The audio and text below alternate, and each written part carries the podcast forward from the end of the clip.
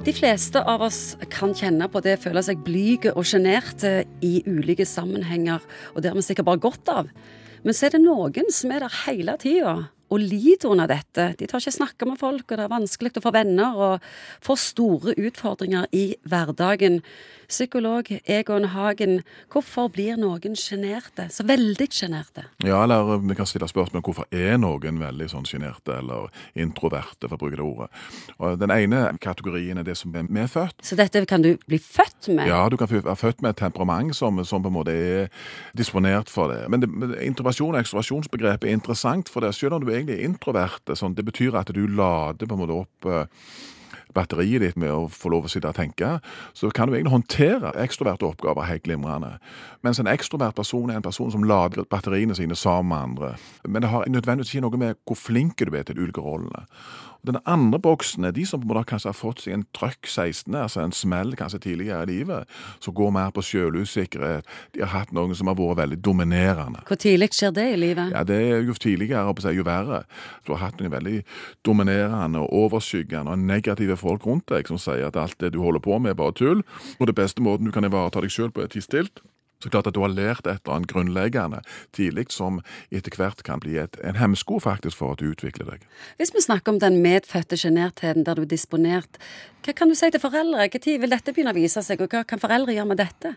Oftest er jo idealet egentlig at folk skal være ekstroverten, men jeg tror nok at hvis du ser på lederposisjoner, og jeg har sett det mange i forhold til ledergrupper òg, at de introverte, hvis de bare kommer med sine ting, så er det ofte der gullet ligger.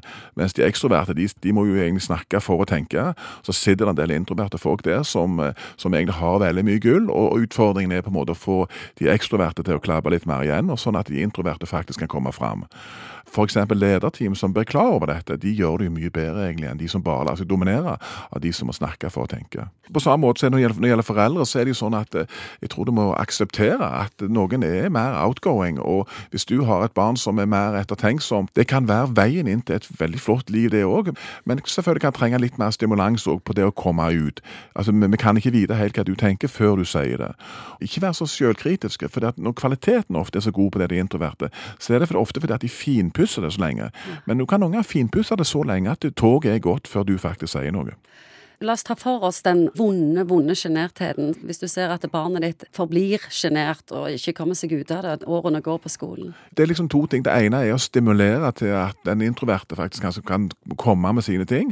Og nå vet jeg òg at skoleverket annet er kjempemye flinkere enn det var før, for å få med alle, sånn at ikke hele agendaen bare blir satt av de som er mest ekstroverte. Og Samtidig som det må være kanskje en aksept for at introverte har større behov noen ganger for å sitte og fintenke. og og de må få anledning til å være det. For det er litt sånn de er, og vi er forskjellige. Det må ikke være sånn at ekstroversjon blir det eneste idealet her. Altså, Vi har litt mange tanker i hodet. Nok en gang. Men hvis du er voksen, ikke har gått på denne fine skolen, og du er sjenert og du lider under det Det er jo noen sånne situasjoner i livet, enten det er på arbeidslivet eller i forhold til møter, i forhold til presentasjoner, eller òg i de private i forhold til konfirmasjonstaler osv., hvor det er litt irriterende hvis du ikke tar ordet. Som jeg har sagt mange ganger før, at mengdetreningen er jo viktig. Tren deg litt på dette. For når du har gjort det noen ganger, så er det ikke så skummelt i det hele tatt. No guts, no glory. Det er jo litt sånn det er. Altså, hvis du sitter der sant, og ser i gulvet, så er det vanskelig for folk å vite hvem du er. Og Hvis ikke folk vet hvem du er, så er det vanskelig å bli glad i deg òg, eller å, å, gi deg plass i livet. Hvis du kjenner at nå er jeg kommet inn i et altfor trangt rom, så må du gjøre et eller annet for å sprenge deg ut av dette. Du kan ikke be alle andre å tie stilt, du må kanskje våge å ta litt større plass. Og så legge stein på stein. Ikke tenk at Rom skal bli bygd på en dag, men at du kan gradvis kanskje utvide litt repertoaret for hva du er komfortabel med, og ta, litt større plass. Altså.